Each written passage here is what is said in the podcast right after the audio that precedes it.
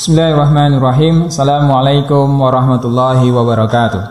Ayah bunda yang dirahmati, kebanyakan kita, entah itu sebagai orang tua atau guru, sering melakukan sesuatu yang salah kaprah ketika berhadapan dengan masalah anak atau siswa.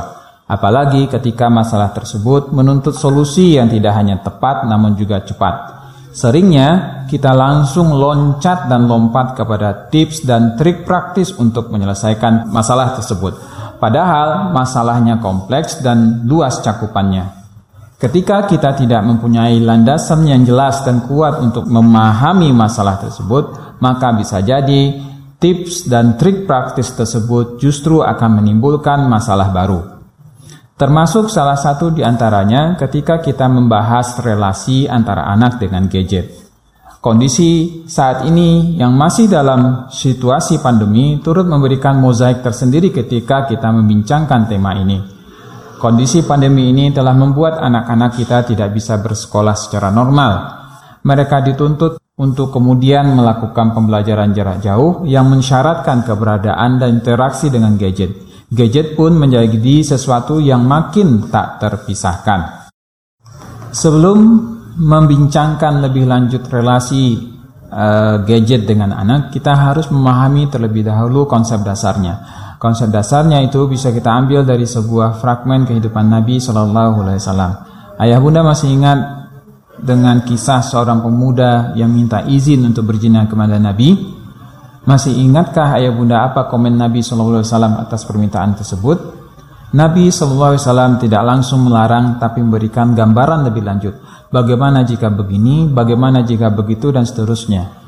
Dari jejak sirah ini, Nabi Wasallam seakan ingin menegaskan bahwa ini bukan sekedar masalah boleh atau tidak boleh, tetapi harus ada kesadaran berpikir yang harus terbangun terlebih dahulu sebelum melarang dan membolehkan sesuatu.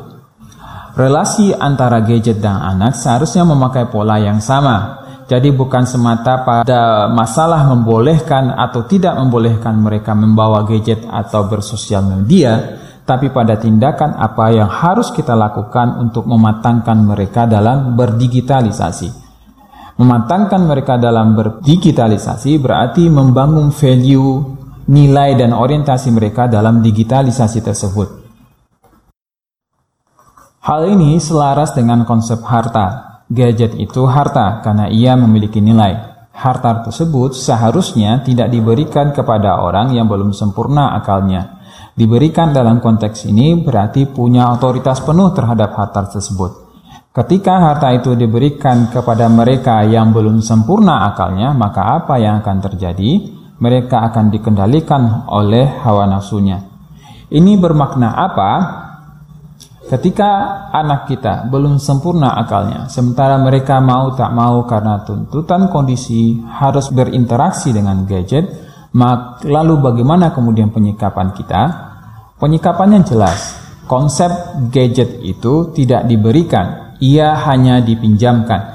Ketika dipinjamkan, maka otoritasnya ada pada yang meminjamkan. Yang meminjamkan punya hak untuk mengatur, bukan sebaliknya yang meminjamkan bisa saja mengambil barang pinjamannya.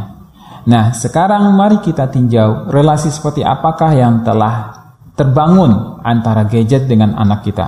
Kenapa kita berikan gadget kepada mereka? Seringnya karena kita tidak mau repot. Kita tak mau direcoki mereka. Kita ingin mereka tenang dan diam dan memberikan gadget dianggap sebagai shortcut yang efektif. Ketika konsep ini dilanggar, ketika anak yang belum sempurna akalnya itu kita berikan gadget, maka apa yang akan terjadi? Akan terjadi hal-hal yang tidak diinginkan.